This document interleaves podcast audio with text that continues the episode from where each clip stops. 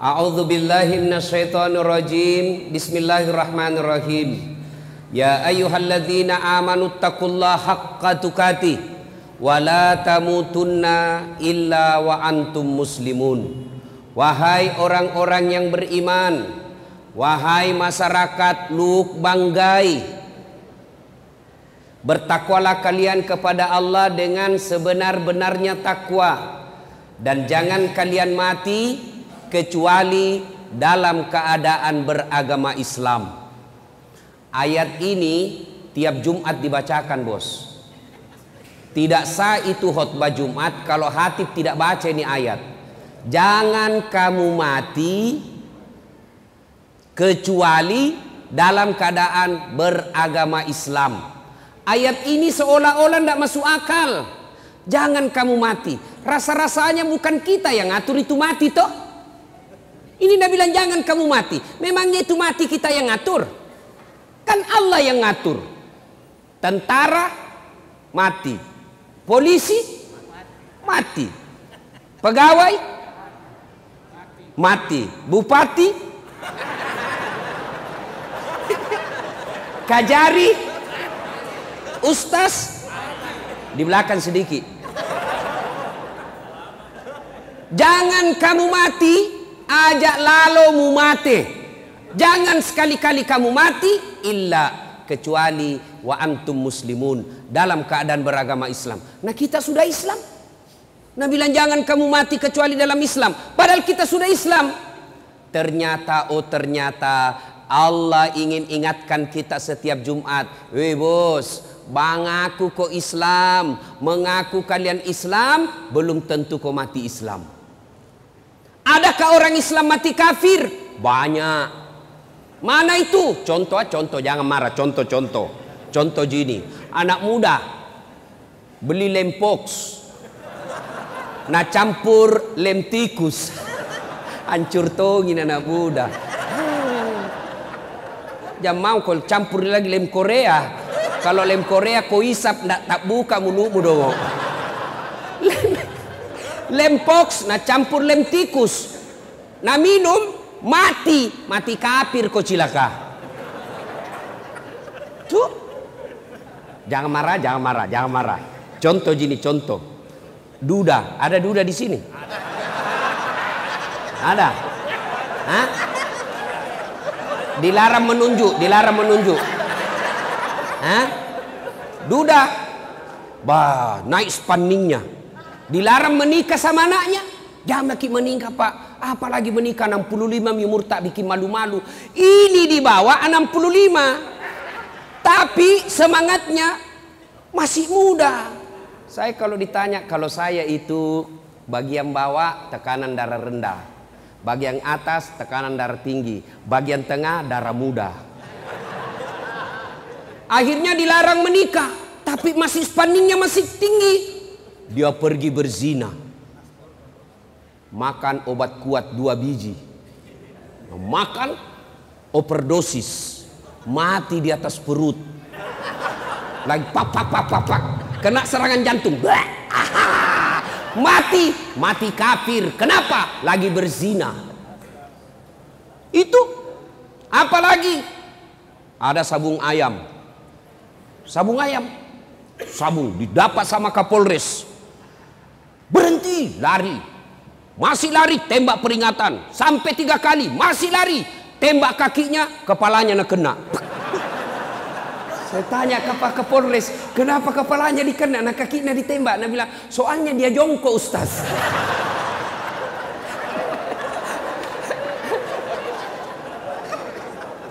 mati, mati kafir. Kenapa? Lagi berjudi. Coba Apalagi? Jangan marah, jangan marah. Contoh jadi contoh jadi contoh jadi. Us, ada anak sekolah pergi sekolah buru-buru melanggar rambu lalu lintas. Dikejar sama polisi. Per, per, per. Kau melanggar? Kau tidak lihat ini rambu-rambu? Saya lihat pak. Kenapa kau langgar? Saya tidak lihat bapak. Ini kalau di sidang 250 ribu. Tidak ada uangku pak. Berapa uangmu di situ? 40 ji pak. Sini itu. Ih, apa saya beli bensin? Eh sudah ambil 30, mari 10 ribu. Sudah. Ini polisi India, polisi India ini bukan di Polres Lu Timur, bangga bukan. Ini polisi India. Polisi India Pak. Direktur PJ. ya toh? Ah, sudah itu uang yang 30 ribu tadi dia pergi makan coto. Coto 218, dua mangkok coto 18 ketupat. Kenapa ketupatnya gratis? Begitu kenyang sekali, dia keluar dari warung coto, disambar geng motor. Pak! Mati. Mati kafir. Kenapa? Ada barang sogok dalam perutnya. Nauzubillah min zalim. Makanya insya Allah kita tidak akan mati lagi berjudi. Kita tidak akan mati dalam keadaan berzina. Kita tidak akan mati dalam keadaan merampok. Yang kita khawatirkan kita mati padahal baru saja kita makan barang haram. Itu tiap Jumat ingatkan ke Allah. Jangan kamu mati kecuali dalam keadaan beragama Islam. Yang bisa membuat kita mati kafir mulut. Wa qala idan Allah kemudian berfirman Bismillahirrahmanirrahim Ya ayyuhalladzina amanu dakhulu fis kafatan wa la tattabi'u khutuwatis syaitan. Innahu lakum adu mubin. Wahai orang-orang yang beriman Masuklah engkau ke dalam Islam secara sempurna. Islam secara benar Bukan Islam pil caleg Bukan Islam karena pilkada Bukan Islam karena pilpres Islamlah secara benar. Jangan percaya Islam-Islam karena mau pilpres Pil caleg Ini kalau mau pil caleg itu politisi penampilannya kala-kala ustadz pakai songkok, pakai gamis, pakai serban, mulus mukanya pak, mulus. Itu saya lihat caleg-caleg itu balehonya, bed, gagan, ada jerawatnya pak, putih semua, putih. Begitu saya lihat aslinya, deh hancur. Jerawatnya sini, jerawatnya sini. Be, ternyata kamera 360. Jangan kau percaya caleg begitu mukanya saja nanti tipu Jangan percaya, mukanya saja dia tipu kita. Ternyata dia sudah tua nak crop ini anunya kasih mulus-mulus nak kasih hilang jerawatnya. Jangan percaya. Apalagi caleg sekarang Pak macam-macam fotonya. Ada nak kasih dibawa kepalanya. Dibawa kepalanya Pak nak gantung-gantung. Baru nak bilang siap jungkir balik untuk rakyat. Masuk lagi.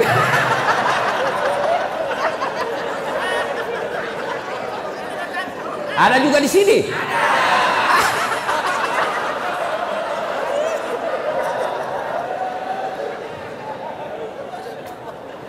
Waqalaidan. Ya. Wala tattabi'u khutuwatis syaitan.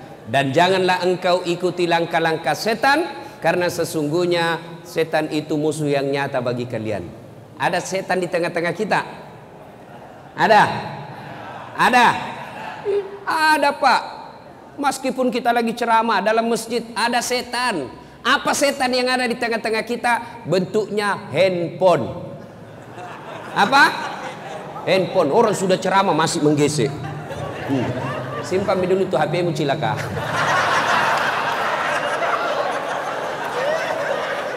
Dengar kok dulu ceramah, Bo. Simpan dulu. Ndak enak kita masjid.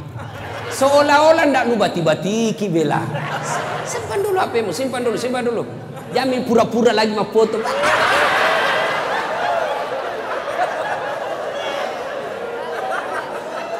Sebentar itu foto-foto. Pak Kapolres bahkan ada di di Sulawesi. Selesai tablik akbar, ibu-ibu usianya kira-kira 55 tahun. Turun saya ceramah dari panggung dan bilang, Ustaz boleh selfie? Boleh. Selfie lah. Sudah selfie langsung dia bilang, Ustaz boleh cium. Heh, sama ini. Apa kamu cium Ustaz? Coba bilang masih muda aja sedikit mau.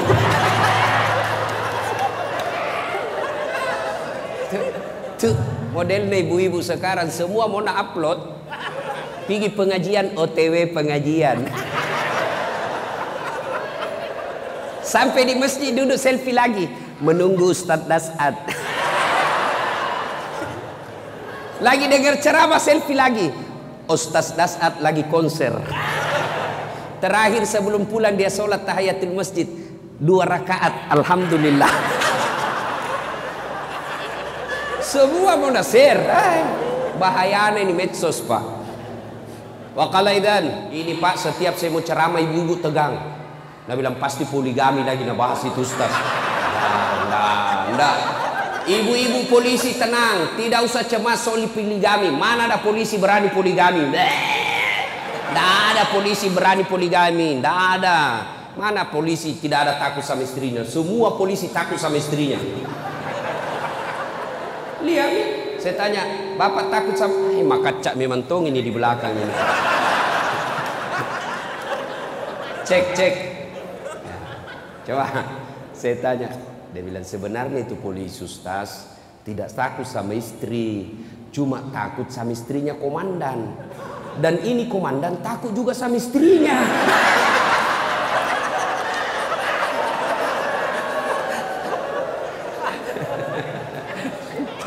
Bercanda bercanda ya.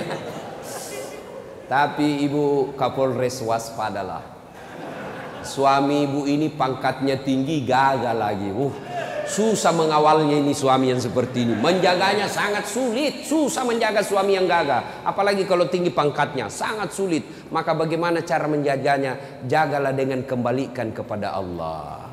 Minta tolong kepada Allah. Ya Allah lindungi suamiku. Tidak usah diinterogasi 24 jam. Baru satu jam pergi menelpon. Di mana ki pak? Di mana ki? Saya di kantor. Bohong. Coba foto baru kirim. Waduh.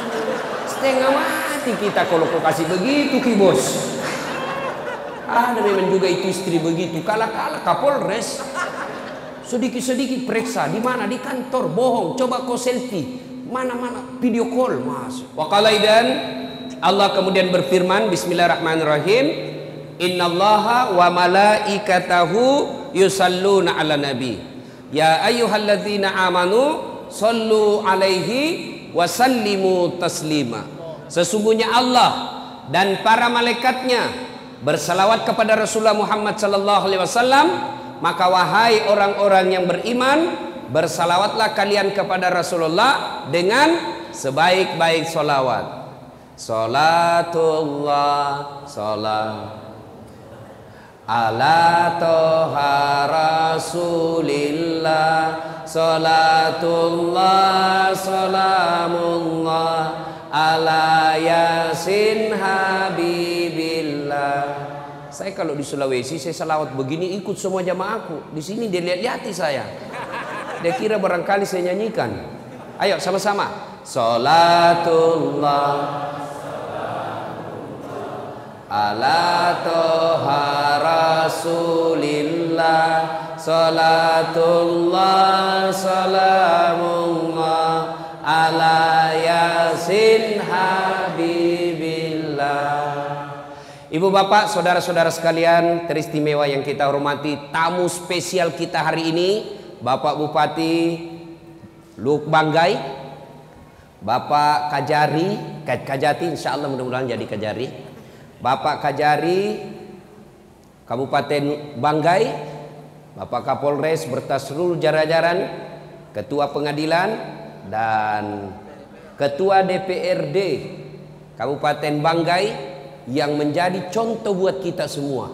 Masya Allah. Apa contohnya? Pak Bupati PDI Perjuangan. Wakil beliau Gerindra. Nggak ngamuk-ngamuk. Di Jakarta gitu baku ribu-ribu. Kita jantung makiku ribu-ribu. Kamu bukan jadi ikut anggota DPR. Coba belajarlah kita dari sini.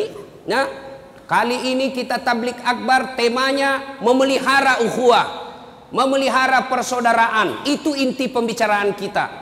Dua pembicara sebelumnya mengajarkan kepada kita untuk bersaudara, jangan berpecah belah dan persaudaraan itu biasanya selalu diawali dengan banyak teman. Saya mau tes hari ini. Polri, saya kasih hadiah. Siapa anggota Polres Banggai yang bisa menghafal lima sahabatnya? Namanya temannya. Ayo saya kasih hadiah. Ayo lima mau jangan mau sepuluh. Lima teman kalian polisi sama-sama polisi namanya lengkap. Siapa yang hafal? Saya kasih hadiah. Ayo ayo angkat tangan ayo ah sini sini bos ya Kita buktikan. Ya. Ya. Alhamdulillah. Pak Deki. Tapi sebelum jawab pertanyaan itu ada passwordnya. Pertanyaannya siapa namanya neneknya Kapolres? Ayo. Apa ini? Jawab nih. Barang belum tentu juga dia tahu ini orang. belum tentu juga dia tahu ya ini namanya polisi yang tidak kehilangan akal. Siapa namanya? Neneknya Kapolres Abdul Latif. Belum tentu juga Bapak tahu.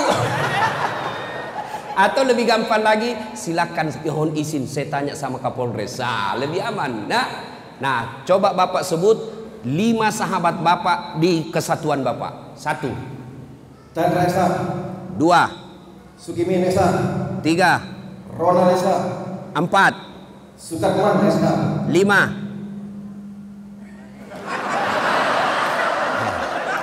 Ayo.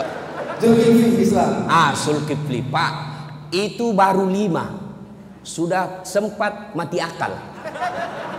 Ini bagaimana kita mau mengakui persaudaraan kalau teman kita tidak tahu namanya. Belum lagi kalau saya tanya, Bapak ini yang sudah duduk di samping, sudah baku tahu enggak kenal di samping kiri kanan? Ayo, ini aja dulu yang sederhana. Ini di belakang kita tahu namanya enggak? Kanan kiri tahu enggak namanya? Itu aja dulu yang namanya persaudaraan. Kita sekarang karena medsos berdekatan tapi tidak baku sapa. Dalam Islam jangankan yang begitu, Bapak bilang hoti. Bapak ucapkan alhamdulillahirabbil alamin. Alhamdulillah. Apa jawabannya di samping? Yarhamkallah. Samping itu dia jawab lagi, Yahdi bikumullah. Sudah itu apa? Ya sudahlah. Itu artinya tidak boleh orang cuek di samping kita. Hati, Alhamdulillah. Yang di samping kita, tidak boleh diam. Kau jawab, Yarhamkallah. Sudah itu, tidak boleh kau cuek juga di sampingmu. Yahdi bikumullah. Itu Islam. Hari ini, nama samping kita saja tidak. Pak Deki sudah berhasil mengetahui dengan baik nama temannya lima. Oleh karena itu saya kasih hadiah. Ah, seratus ribu rupiah. Hmm. Bos, beda beda rasanya itu uang Kapolres dengan uang Ustaz. Sudah, terima kasih Pak Deki. Silakan duduk. Makasih. Pak, ada yang punya korek? Siapa yang punya korek? Macis, macis. Colok, colok. Ayo, ayo, kasih saya. Saya pinjam, saya pinjam. Ah, berarti ada perokok di sini. Ah. Pak, korek. Kecil. Tadi saya kasih uang Pak Deki 100 ribu. Kira-kira kalau saya minta lagi uang dari Pak Deki, Pak Deki mari tuangku. Bagaimana perasaannya beliau? Kurang ajar ini Ustaz. Kasih malu saya. Ayo. Yang lebih parahnya lagi, uang yang saya ambil tadi itu, ya, nih. Bagaimana perasaan Bapak kalau ini uang saya bakar? Hmm. Bagaimana? Tega enggak? Hah? Wih, takaburnya itu Ustaz. Masa uang 100 ribu dia bakar? Sudah lagi dia kasih orang dia minta lagi baru dia bakar di depannya. Bagaimana perasaan kita? Hancur? Jengkel? Begitulah orang yang memutuskan silaturahmi. Rasulullah Sallallahu Alaihi Wasallam bersabda, Tabi ambil kembali yang punya korek. Saya doakan mudah-mudahan berhenti merokok. Hmm. Itu orang perokok pak kayak orang belen-belen saya. Coba lihat itu orang kalau merokok kayak dongok-dongok tuh.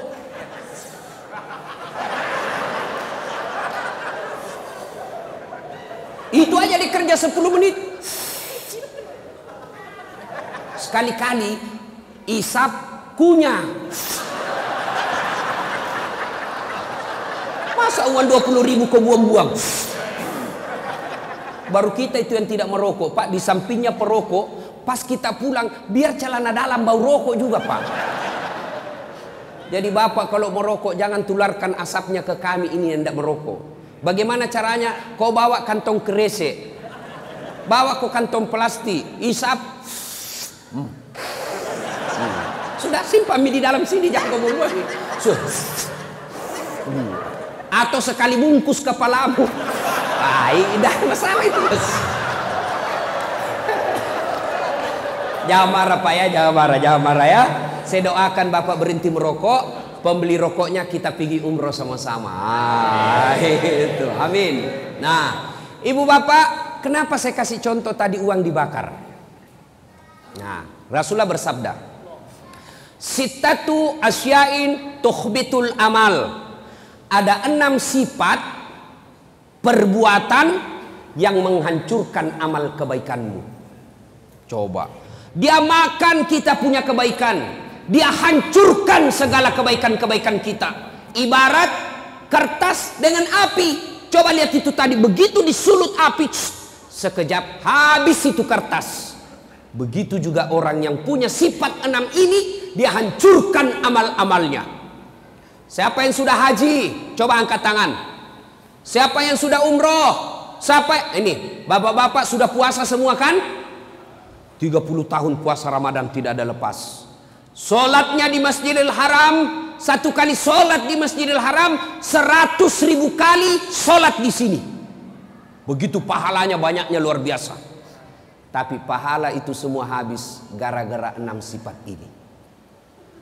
Dia makan itu pak. Apa itu kata Nabi? Yang pertama al istighalu bi uyubil khalq.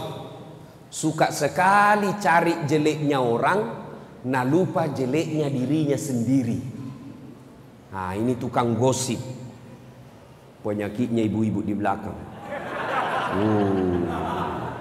Apalagi kalau dia serama, uh, uh, uh. semua mau gosip lewat tetangganya langsung dia ku tahu jitu nak pakai jilbab kenapa kak keriting rambutnya sudah orang pakai jilbab dia celah pak sudah lewat lagi yang satu uh, serasi kudungnya iyo kayak umbul-umbul oh, dua sudah dia celah lewat lagi orang pakai gelang emas palsu ah, kenapa kau tahu melengke itu hitam-hitam di gelangnya Lewat lagi yang satu pakai lipstick. Palsu lipstiknya. Kenapa kau tahu? Melengkek di giginya. Semua dia celah. Jangankan manusia biasa, Nabi saja dia celah. Menurut anda, bagaimana pendapatmu tentang Nabi Yusuf? Dia celah juga itu Nabi Yusuf. Ya, sebenarnya baik. Cuma sayang, hampir tergoda sama Suleha. Nabi saja dia celah pak. Bagaimana menurutmu Nabi Nuh? Nabi Nuh baik, beriman kepada Allah, tapi sayang anaknya kafir. Hmm, coba, semua sama dia celah Pak. Orang seperti ini habis amalnya. Maka kata Nabi, beruntung orang yang terlalu sibuk mencari dirinya sendiri, mencari kekurangan dan aib dirinya sendiri, sehingga tidak punya waktu untuk mencari kejelekan orang lain. Hmm, itu kita kan terlalu sibuk pak. Kecelekannya orang. Biasa ibu-ibu bertetangga. Pertama cerita sinetron. Sinetron Gina cerita pertama pak. Bagaimana menurutmu itu tadi malam sinetron? Wah, Jelek betul sifatnya itu suaminya Kasiannya Lama-lama lama Cok ribut Kenapa? Seperti tetangga tak hmm. Langsung tetangga jadi korban Langsung dia bilang iyo Pergi pengajian kiri kanan, istrinya selingkuh. Coba. Apa gunanya kita cerita seperti ini, Bu? Ibu-ibu saya tanya, ada ndak yang istri yang senang suaminya selingkuh? Ada? Jawab dulu Ibu, ada ndak? Tidak ada. Lalu apa gunanya kita cerita? Ayo. Maka istri yang baik, majelis taklim yang baik, anggota bayangkari yang baik, yang taat dalam agama, datang tetangganya bawa gosip, eh anu saya dengar anu. Innalillahi wa inna Na'udzubillah bin zalik. Kita berlindung kepada Allah dari keburukan seperti itu. Belum tentu suami tak lebih baik dari dia. Itu baru istri yang baik. Ini tidak pak, baru. Anu, iyo, saya tahu itu. Begitu memang. Padahal dia tidak tahu. Suka sekali codo. ikut campur. Barang siapa ibu-ibu yang suka ikut campur, maka nasibnya nanti di akhirat seperti tauge. Tahu tauge? Bapak-bapak tahu tauge? Coba lihat itu tauge. Suka ikut campur toh? Kita bikin pecel ada ya.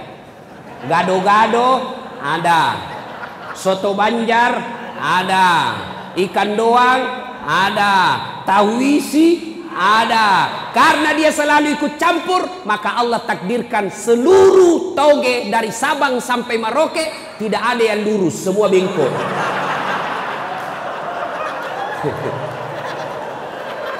Maka kalau ada ibu-ibu bayangkari di komplek, pagi-pagi gosip teriaki saja. Pagi-pagi toge ini ye. Ayukibbu ahadukum sukakah kamu memakan bangkai sesamamu manusia? Satu kali Nabi ketika Isra Miraj. Nabi diperlihatkan ada perempuan cantik. Cantik betul ini perempuan. Tapi sayang seribu sayang, kukunya terbuat dari tembaga api neraka. Dia cakar mukanya, sakit tapi dia cakar. Dia cakar seluruh badannya, sakit tapi dia cakar. Bayangkan, kuku saja kalau dicakar muka sampai kan sakit. Ini tembaga api neraka, dia cakar mukanya, sakit tapi dia cakar. Sakit, dia cakar lagi. Lalu dia makan bangkai orang mati di depannya. Bangkai orang mati di depannya dia makan. Nabi geleng kepala dan bertanya sama Jibril, "Ya Jibril, siapa itu? Bego, dongo, beleng-beleng." Bego betul dia. Bangkai dia makan. Dia tahu sakit tapi dia cakar dirinya. Siapa dia Jibril? Jibril menjawab, itulah umatmu yang sebarkan kejelekannya orang di Facebooknya. Hmm. Apa gunanya kita sebar jeleknya orang? Bapak, kenal saya? Kenal saya dari mana? Dari YouTube Ustadz. Kenal saya dari mana? Dari Facebook. Kenal dari mana? Dari filer-filer Instagram. Apa yang saya cerita kejelekan orang? Saya dikenal orang bukan karena cerita aibnya orang. Saya dikenal orang kenapa? Karena menyebarkan kebaikan, bukan menyebarkan kebencian. Maka bodoh orang yang suka menyebarkan kebencian apalagi berita-berita bohong. Jangankan berita bohong, berita benar saja dilarang disebarkan apabila itu ada kehancuran di dalamnya. Saya ulang, jangankan berita bohong, berita benar dilarang dalam Islam kalau itu disebarkan kalau hanya menghancurkan perdamaian. Contoh, satu kali Abu Hurairah radhiyallahu an. Abu Hurairah lari-lari. Abu Hurairah ini sahabat paling banyak meriwayatkan hadis. Lari-lari. Mau ke pasar. Didapat sama Umar. Ditahan. Hei Abu Hurairah mau ke mana buru-buru? Gar lari-lari. Saya mau mengumumkan pengumuman penting. Apa itu? Baru saja Nabi sedengar mengucapkan. Siapa yang mengucapkan dua kalimat syahadat. Dia baca la ilaha illallah. Muhammad Rasulullah. Diyakini sampai mati. Orang itu pasti masuk surga.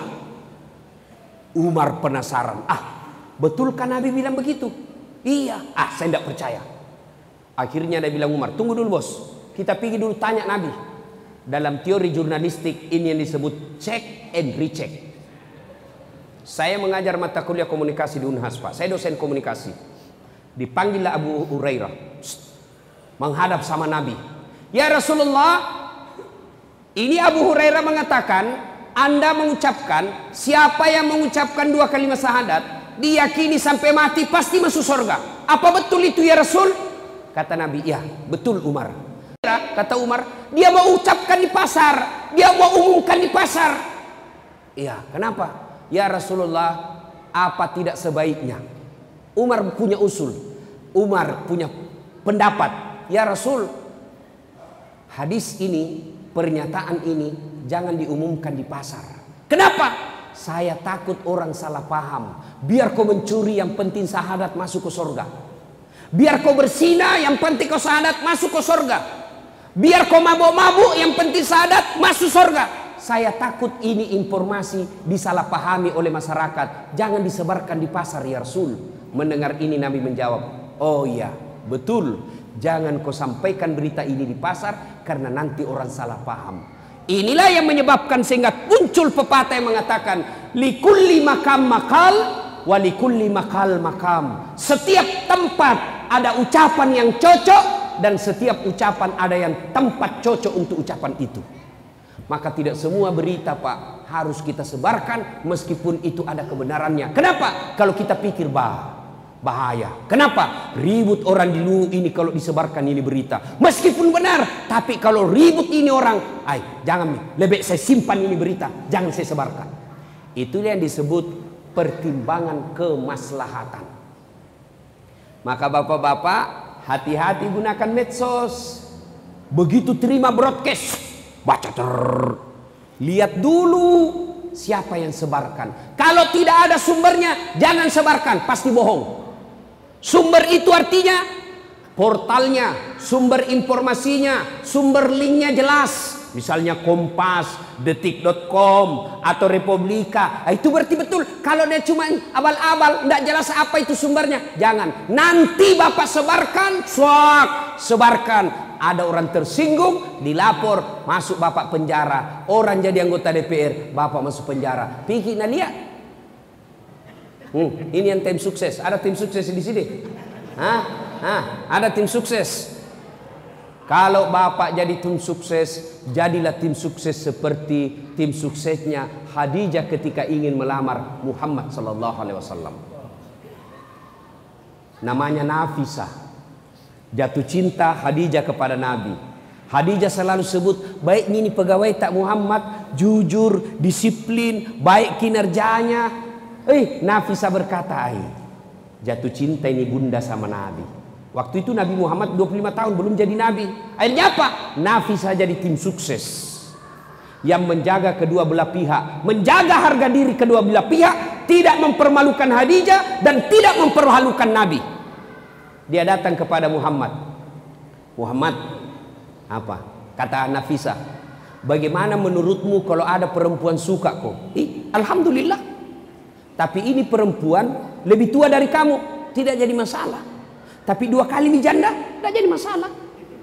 Tapi ini bosmu, tidak jadi masalah. Yang jadi masalah, betulkah dia suka saya? Nah bilang Nafisa, tenang mas bro, saya punya urusan. Tapi tidak ada hadis bilang mas bro, tidak ada. Ini gayanya ada saat latih.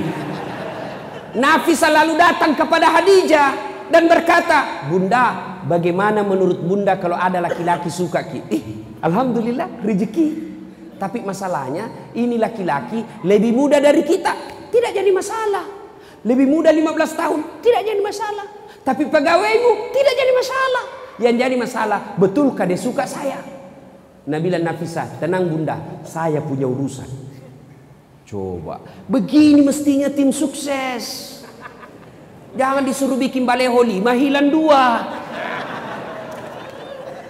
Disuruh bikin baleho sepuluh, hilang lima. Pergi meras kiri kanan, siapa? Satu kecamatan, aman suara. Tapi ada proposal ini pak. Ini yang kasih stres caleg. Siapkan dah, mau petunjuk, siapa? Aku petunjuk kerja saya, operasionalkan dah.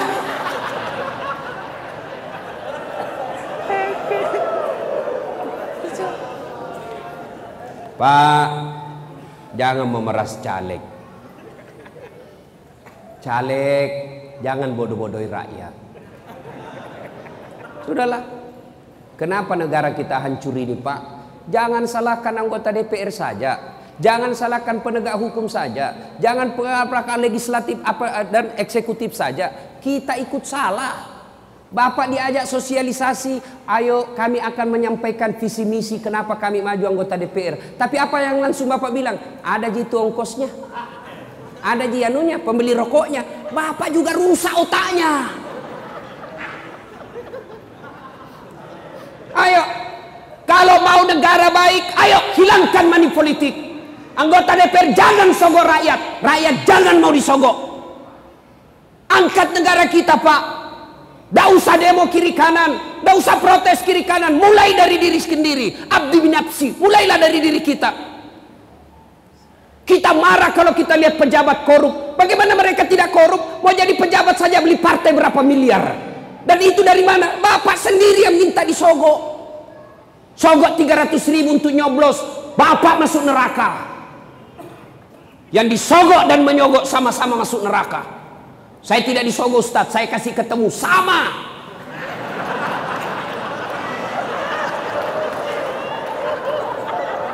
Pak, 2019 17 April, bantu negara kita dengan baik. Dengan cara apa? Jangan mau disogok. Pilih pemimpin yang Bapak yakini tidak usah bertengkar. A bagus, B bagus, satu bagus, dua bagus. Silakan, tidak usah bertengkar. Tapi ingat, semua yang Bapak coblos demi Allah ditanya nanti tanggung jawabnya di akhirat. Kenapa kau pilih itu? Apa masalahnya? Kenapa kau pilih itu? Apa sebabnya kau pilih dia? Apa? Mari, apa alasanmu? Kalau Bapak mencoblos hanya hanya dikasih 300 ribu, asari kupis saru-sari. Bersekutu dengan jahat-jahat pula hukumnya. Bapak kalau mau bantu kepolisian, ada orang datang bawa beras, bawa baju, bawa money politik, rekam, bawa di polisi, lapor di Panwas, tangkap itu merusak negara kita. Setuju? Setuju? Betul? 500 ribu.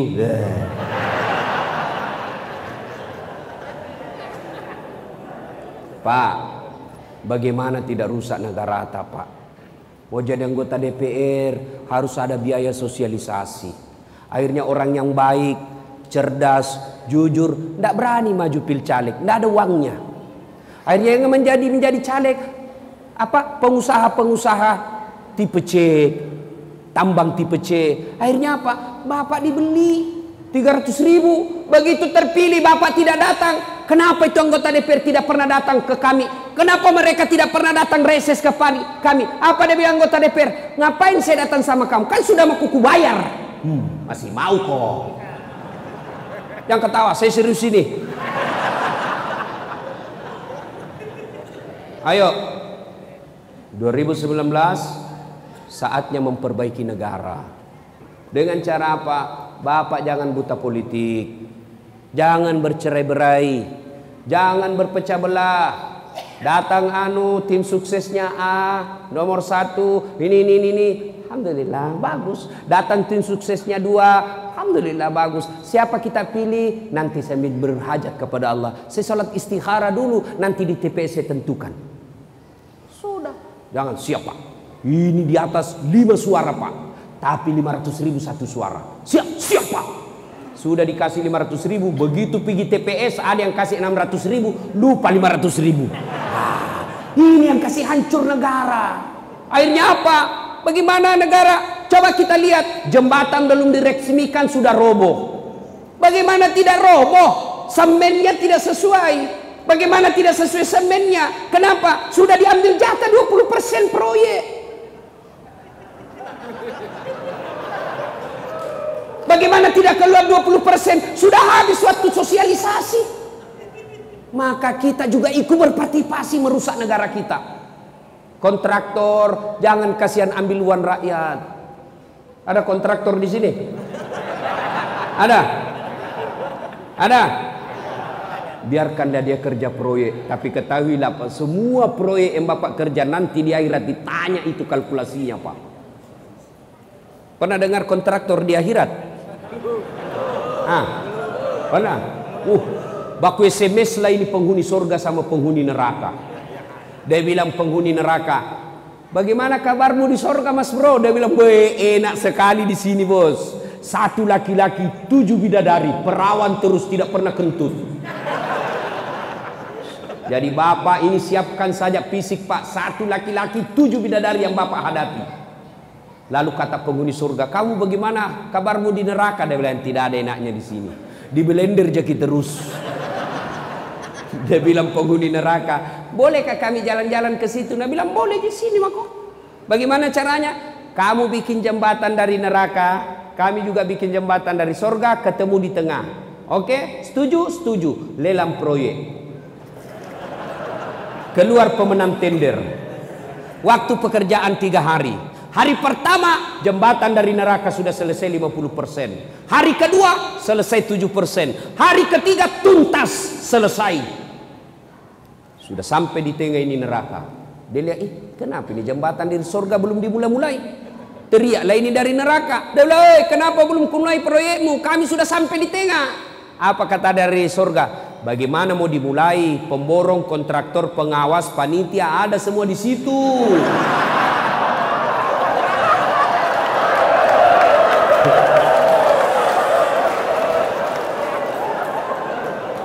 Sini kasihan hanya ada di sini penghafal Quran sama imam.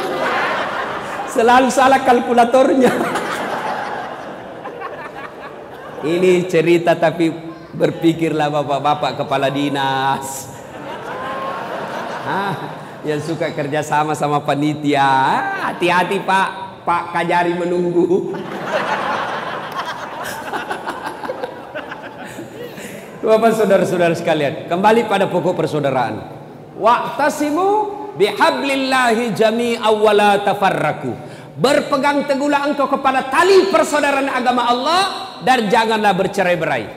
Saya tanya, Bapak tiap hari makan nasi? Ya? Berapa kali makan sehari? Minimal tiga kali. Kenapa enak makan nasi? Kenapa? Ada yang tahu? Kenapa enak makan nasi? Karena makannya sama-sama. Coba kalau nasi dimakan satu-satu. Mana enaknya? Satu biji. Wah, sampai sore tidak selesai pak. Maka orang yang berpecah belas jelek itu pak. Kita makan enak itu nasi. Kenapa? Karena kita makan sama-sama itu satu kempal. Um. Coba kalau satu-satu biji. Beuh, repot nak makan itu pak. Coba. Ayo. Tadi ada hujan. Enak nak hujan? Ditunggu para petani. Kenapa nyaman hujan kita berhujan-hujan waktu kecil? Kenapa? Karena turunnya rame-rame. Coba kalau hujan turun satu-satu. Uh, lama baru selesai pak. Maka tidak ada senang itu yang bercerai-berai pak. Bersatu kita teguh, bercerai, kawin lagi. Ulama mengajarkan Umat Islam itu seperti jari ini. Coba lihat jari ini, Pak. Kompak, berbeda, ada kelingking, ada jari manis, ada jari tengah, ada telunjuk, ada jempol. Enak, berbeda fungsi, berbeda tempat, tapi satu tujuan, bekerja menyenangkan apa yang diperintahkan oleh saraf. Kenapa ini hebat? Coba kalau dia bersatu. Jempol jari-jari menyatu, dia bisa kasih gugur kepalanya orang kalau kau ganggu istriku. Jaga kok kalau kau ganggu istriku, jaga kok. Coba. Kenapa? Karena dia kompak.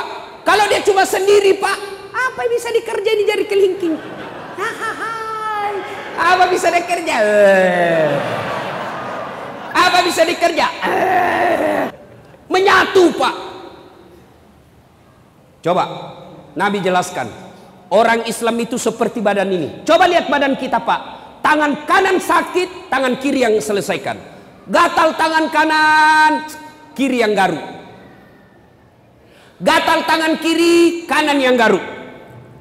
Gatal dua-duanya kerja sama. Begitu mestinya kita orang yang ada di Liwu. Berbeda fungsi. Coba. Kata Nabi, umat itu seperti satu sistem. Satu Mobil lah misalnya. Orang Islam itu orang lu itu lu banggai seperti mobil. Kompak, tidak boleh ada merasa lebih hebat. Pak Bupati tidak boleh merasa hebat dari masyarakat. Kenapa? Jadi bupati karena ada rakyat yang pilih. Kenapa? Contoh paling sederhana. Kenapa kita enak ceramah di sini? Bapak-bapak enak duduk. Kenapa? Karena ada yang bapak lihat ceramah.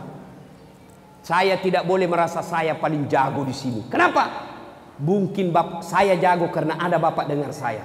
Coba kalau saya ceramah sendiri tidak ada yang dengar pak. Orang lewat nah bilang, Pak Kapolres lama itu gila-gila Pak Ustaz.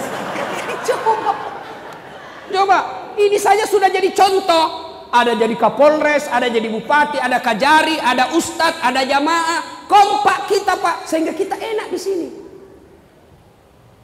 Pak Bupati tidak boleh merasa lebih hebat dari rakyat. Kenapa? Beliau jadi bupati karena ada rakyat yang pilih. Coba kalau tidak ada yang pilih, Pak. Bapak dilantik tidak ada yang pilih. Pasti orang bilang, sakit-sakit kasihan itu. Mengaku kasihan bupati. Coba ini, itu enaknya persaudaraan, Pak. Rakyat juga tidak boleh sewenang-wenang sama bupati. Kenapa? Bapak bisa tenang begini karena ada bupati yang mimpin kita. Coba kalau tidak ada bupati di sini. Bertengkar semua orang mau jadi bupati baku tembak. Itulah enaknya. Contoh mobil, tidak boleh ada merasa lebih hebat dari yang lain. Ban. Nah bilang ban, saya paling hebat di sini. Kalau tidak ada ini ban, tidak bisa jalan ini mobil. Tersinggung rem. Nah bilang, bajiki bos. Jalan mako pale, tidak pakai rem. Apa? Bapak Kapolres mau naik mobil tidak ada remnya? Mercy pak, mercy. Bapak naik tidak ada remnya. Mana mau pak? Tersinggung bensin. Nah bilang kau saja yang hebat ban. Kau hanya yang hebat rem. Saya juga berharga. Kalau tidak ada bensin, mana mobil bisa jalan? Bisa kalau disuruh dorong sama Kapolse. Kapolres di atas Kapolse mendorong. Tidak enak pak. Ayo. Eh. Itu makanya tidak boleh merasa lebih hebat. Di sini lu banggai, ada jadi bupati, ada jadi kapolres, ada jadi dandim, ada jadi anggota DPR, ada jadi nelayan, ada jadi pengusaha, ada rakyat biasa, jadi guru, ada PNS. Berbeda fungsi, satu tujuan, mengangkat citra dan martabat kabupaten kita. Kalau orang lu banggai ribut, kalau orang banggai ribut, siapa yang rugi? Misal nih, ribut nih, nanti gara-gara pilpres, ribut membakar kiri kanan. Siapa yang ribut? Siapa yang rugi? Siapa? Siapa? Orang Pinrang? Orang Jawa Timur? Tidak. Siapa yang rugi? Orang Lubuk Banggai. Maka kita punya kewajiban menjaga kerukunan ini. Kenapa? Karena kalau ribut kita sendiri yang rugi. Contoh lagi ya, pentingnya persaudaraan. Saya jalan malam-malam. Jalan Tiba-tiba tahan tuh kakiku. Kaki tahan tuh, otomatis mulut langsung meniup. Cari sambil ambil handphone. Ke sini.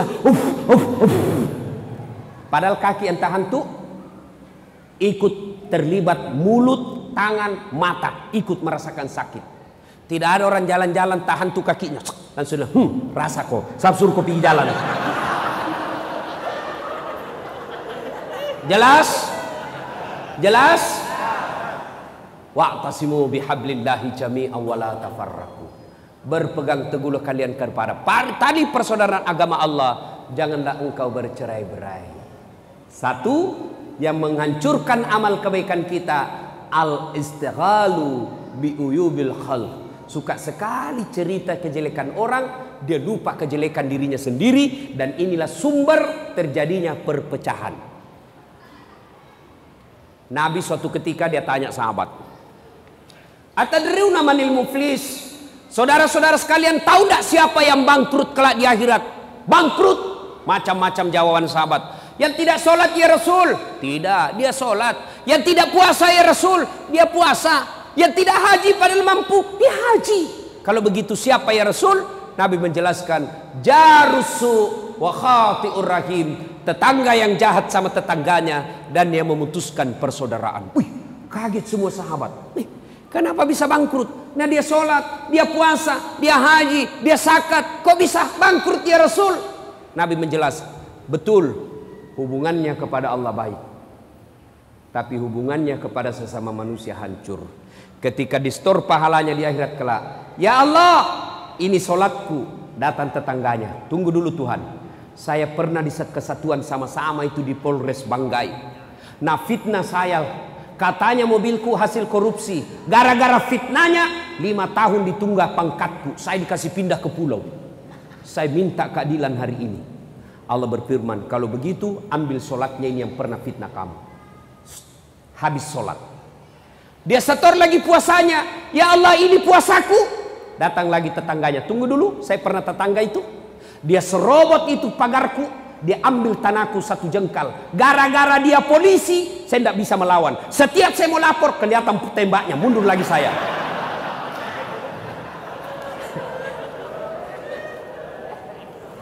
Saya minta keadilan hari ini Allah. Allah berfirman, kalau begitu ambil puasanya. Habis sholat, habis puasa. Datang lagi, dia store lagi. Ya Allah, ini hajiku. Datang lagi tetangganya, tunggu dulu Tuhan. Saya juga pernah difitnah. Katanya anakku yang lurus rambutnya bukan anaknya suamiku. Karena suamiku keriting rambutnya. Dia tidak tahu anaknya lurus rambutnya karena sudah direbonding. Gara-gara fitnah. Gara-gara fitnahnya saya tinggalkan kampung. Allah berfirman, ya sudah ambil hajinya. Habis puasa, habis uh, salat, habis haji. Masih ada orang yang datang. Saya juga pernah disakiti ya Allah. Lalu dia bilang yang tadi banyak amalnya. Tuhan, bagaimana lagi caranya? Nah, sudah habis amalku ini. Dek nagaga amalku. Allah berfirman, supaya adil, ambil dosanya orang yang pernah kau sakiti hati. Makanya Nabi pernah jelaskan, Andai saja boleh kau memilih dosa, dosa kepada Allah dan dosa kepada sesama manusia, dua dosa jenis ini, maka lebih baik dosa kepada Allah. Kenapa? Taubatnya gampang. Sementara dosa kepada sesama manusia susah taubatnya. Kau harus cari yang bersangkutan. Kalau bapak dosa sama saya, satu syaratnya, satu bertobat, dua mengakui, tiga tidak mengulang. Empat, bapak datang minta maaf sama saya. Lima, kalau berkaitan barang, kasih kembali barangku yang pernah bapak ambil. Ustadz, maafkan saya. Kenapa? Pernah dulu kucuri sandal pak. Ah, kasih kembali sandalku. Baru betul. Selama bapak tetap ambil sandal saya, tobat bapak tidak diterima. Maka pegawai-pegawai yang pernah ngambil uang negara, kasih kembali pak. Kasih kembali, termasuk yang ngambil printer di kantor. Yang ketawa, saya serius ini. Ambil kertas di kantor, anak-anak tulis skripsi bapak ambil satu rim, kasih kembali itu. Semen, atap kantor, gorden, rumah dinas, kasih kembali. Selama bapak tidak kasih kembali, nanti kalau bapak mati disuruh pikul itu semua yang bapak pernah ambil. Suruh pikul pak sambil menunggu nama tak diadili. Begitu lewat pegawai tak kita pikul mitu mobil, kursi, kipas angin, kulkas. Lewat pegawai, oh pantas hilang kulkas di kantor.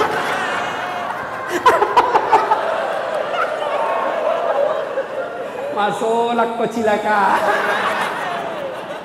Makanya kasih kembali pak. Ini bahayanya dosa memutuskan persaudaraan. Bapak saudara-saudara sekalian. Yang kedua karena waktu terbatas. Yang menghancurkan amal kebaikan kita kata Nabi. Hubbud dunia. Terlalu cinta kepada dunia. Menghalalkan segala cara untuk dapat jabatan. Itu cinta dunia. Jadi Kapolres salah. Oh boleh pak. Orang Islam jadi Kapolres kok semua. Jadi Kapolda semua. Jadi bintek semua silakan anggota DPR jadi semua ambil jabatan itu. Tapi yang dilarang adalah menghalalkan segala cara untuk dapat jabatan itu. Anggota kepolisian, Bapak mau jadi Kapolsek, tidak usah cari muka sama Kapolres. Bapak sudah punya muka. Ada juga itu cari mukanya sama Kapol komandannya keterlaluan juga. Siapa? Siapa? Siapa? Siapa? Siapa? Zaman jahiliyah itu bos. Sudah biasa saja. Apalagi Kapolres kita ini pak, namanya sudah soleh. Muhammad soleh, tidak mungkin salah-salah pak. Jangan usah bapak keterlaluan lah cari. Siapa? Iya pak. Cemen lumen. Sudah. PNS tidak usah cari muka sama Pak Bupati. Bapak sudah punya muka. Ini juga ada PNS mau kepala dinas batina cari menjilat. Biar ada anaknya di situ, ada istrinya, kayak tidak punya harga diri. Iya pak. Malu dong sama istri dan anak di depan kita kayak tidak punya harga diri. Bapak sebagai kepala rumah tangga tampilkan bapakmu punya wibawa meskipun depan bupati. Saudara, Siapa? Saya kasih contoh. Contoh-contoh. Pak, kalau saya bersandar di sini, begitu saya hilang ini sandaran, saya jatuh atau tidak? Jatuh. Saya sandar di dinding, dinding jatuh, jatuh atau tidak? Jatuh. Semua makhluk yang bersandar kepada dunia pasti jatuh. Hmm? Tapi kalau bapak bersandar ke Polres, Kapolres pindah, bapak jatuh. Bersandar sama bupati, bupati hilang jabatannya, bapak jatuh. Bersandar sama kajari, kajari pindah mutasi dua tahun, hilang lagi sandaran kita. Tapi bapak bersandar kepada Allah, Allah tidak pernah hilang dan Allah abadi selama-lamanya. Coba. Bapak boleh jabatan, hubbud dunia, cinta dunia boleh. Tapi yang dilarang Allah terlalu. Nabi bilang Umi Rama, terlalu. Saya ini peminatnya Umi Rama Pak. Kenapa lagunya Umi Rama bagus-bagus Pak? Coba lihat lagunya Umi Rama Pak. Berakit-rakit dahulu. Berenang-renang ke tepian. Sakit-sakit dahulu. Susah-susah dahulu. Lalu kemudian Berbahagia. Laguna pegawai honor?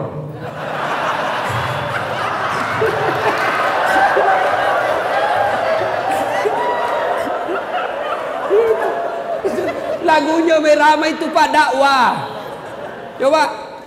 Pulang suaminya menyanyi lagi ibu Lagu Nabi Rama Bila kamu di sisiku Hati rasa sahdu. Mengapa um mengapa minuman itu haram? Karena oh karena merusak kepikiran Mengapa um mengapa berjudi juga haram karena oh karena itu cara binatang. Mengapa semua yang asik-asik itu diharamkan? Mengapa semua yang enak-enak juga diharamkan? Jawabannya, ha ha ha ha. Itulah perangkap setan umpannya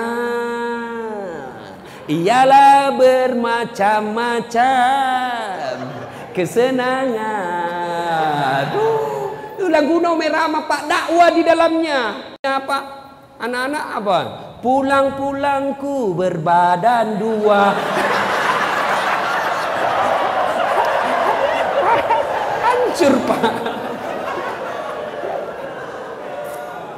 Yuk, jadi bupati boleh, jadi anggota DPR boleh, jadi kajari boleh, jadi pejabat boleh, jadi orang kaya boleh, silahkan, silahkan. Allah tidak melarangnya. Yang Allah larang adalah menghalalkan segala cara untuk mendapat jabatan itu. Itu yang disebut terlalu cinta dunia. Mana lagi ciri-ciri cinta dunia? Takut putih rambutnya. Begitu berubah rambutnya sedikit, nak kasih sewer masuk di matamu cik. Kenapakah kalau kita tua? Memang sudah sunnatullah. Umur 60 masa mau nampak seperti anak TK? Kelainan itu pak. Memang sudah sunnatullah itu. Terlalu cinta dunia. Takut dibilang tua. Mana lagi terlalu cinta dunia. Nganggap enteng ibadah. Itu terlalu cinta dunia. Hayyalah salat. Sebentar. Meeting. Hayyalal. Tunggu, lagi ada tamu. Itu nganggap enteng dunia itu, nganggap ngenteng ibadah, cinta dunia. Dipanggil tidak mau datang. Coba saya kasih contoh. Pak Kapolres. Ada ajudan Pak Kapolres? Ajudan nah, pasti ya. Semua Kapolres ada ajudannya. Jangankan Kapolres, Kapolsek ada ajudannya Pak. Jangankan Kapolsek, ketua RT ada toh ajudannya. Coba Hansip ada ajudannya Pak. Coba kalau Kapolres panggil ajudan. Ajudan siap. Biar lagi pegang jalan kote. lagi dah pegang nih. Ajudan siap Pak perintah. Langsung dah buang jalan kote nah. Siap Pak perintah. Nah bilang Kapolres kasih habis dulu itu dalam mulut. Siap perintah. Itu enaknya polisi pak, biar ditinjuk siap salah, ditinjuk perutnya siap salah, siap salah. Coba, semua komandan ada ajudannya. Begitu komandan panggil ajudan, langsung lari siap perintah. Biar lagi tidur tidur pak, langsung bangkit. Pernah kira-kira Pak Kapolres panggil ajudan, ajudan, tunggu dulu Pak orang sibuk. Mana berani? Bila mah kau disuruh kau pusat isi tunggang Belanda. Mana ada pak? Padahal Kapolres ada mutasinya. Kapolres ada pensiunnya. Tapi begitu takutnya kita sama Kapolres kita. Tapi begitu Allah yang panggil kita. Hayya salat. Apa kita bilang? Tunggu lagi meeting. Kita Tuhannya suruh menunggu. Bagus kalau dia datang pak. Dari pagi sampai malam tidak datang-datang. Apa namanya kalau bukan kurang ajar? Coba. Itu namanya cinta dunia. Yang ketiga. Yang merusak amal. Killatul haya. Kurang rasa malu. Saya tanya. Pak.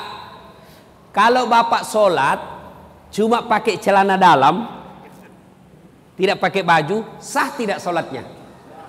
Sah tidak? Sah? Tidak. Kenapa?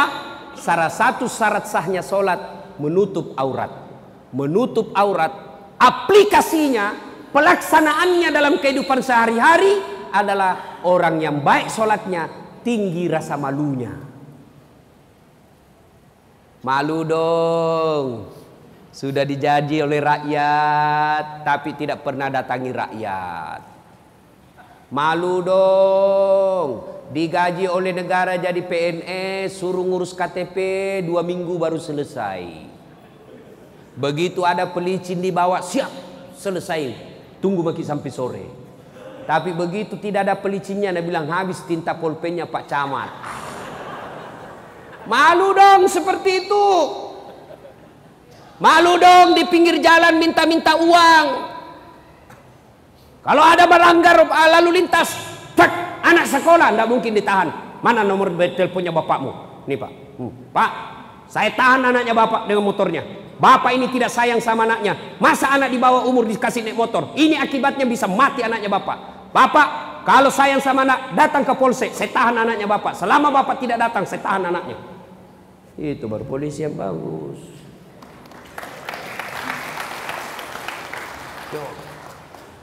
Jadi jaksa malu dong, sudah punya pangkat banyak, mau disogok sama pengusaha, bilang sama dia, berapa uangmu? Kau bisa beli harga diriku? Keluar kau di situ, kurang ngajar kau, ah. Tambah pasalmu. Hmm. Malu dong. Jadi ustadz, bah, malu dong memecah belah umat. Ada juga ustadz sekarang seolah-olah hanya dia yang benar. Ceramahnya kasih takut-takut orang. Ada juga itu Pak, ceramah sedikit-sedikit neraka, neraka, neraka. Nenekmu punya neraka. Eh. Luasnya ini sorga bos, luas itu sorga, kasih masuki juga. Sedikit-sedikit neraka, bid'ah, masuk neraka. Maulid, bid'ah, tidak ada pada zaman Nabi. Isra Mi'raj, bid'ah, tidak ada pada zaman Nabi. Taksiah, tidak ada pada zaman Nabi. Bid'ah, kalau begitu tidak ada pada zaman Nabi. Tolong kau ceramah, jangan pakai mic. Kenapa? Zaman Nabi tidak ada mic. Saudara-saudara sekalian, marilah kita memanjatkan puji syukur kepada Allah. Kalau tidak ada?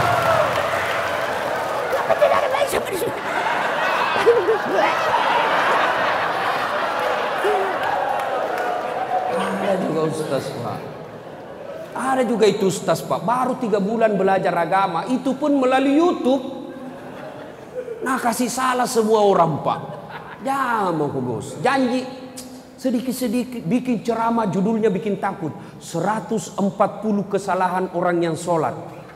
140 nah rukunnya saja cuma 13. Bagaimana caranya bos? Ada juga itu penceramah begitu. Hanya dia mau masuk surga. Sampai saya Pak Kapolres ribu saya di Facebook. Kira-kira lima bulan yang lalu, saya ribu di Facebook saya. Kenapa? Ada anak muda dia maki-maki saya. Hidup Ustaz Dasar bicara-bicara sunnah lalu dia tidak sunnah. Saya bilang, kenapa kau tuduh saya tidak sunnah? Kau tidak pelihara jenggot. Saya bilang, mau diapa kalau tidak mau tumbuh?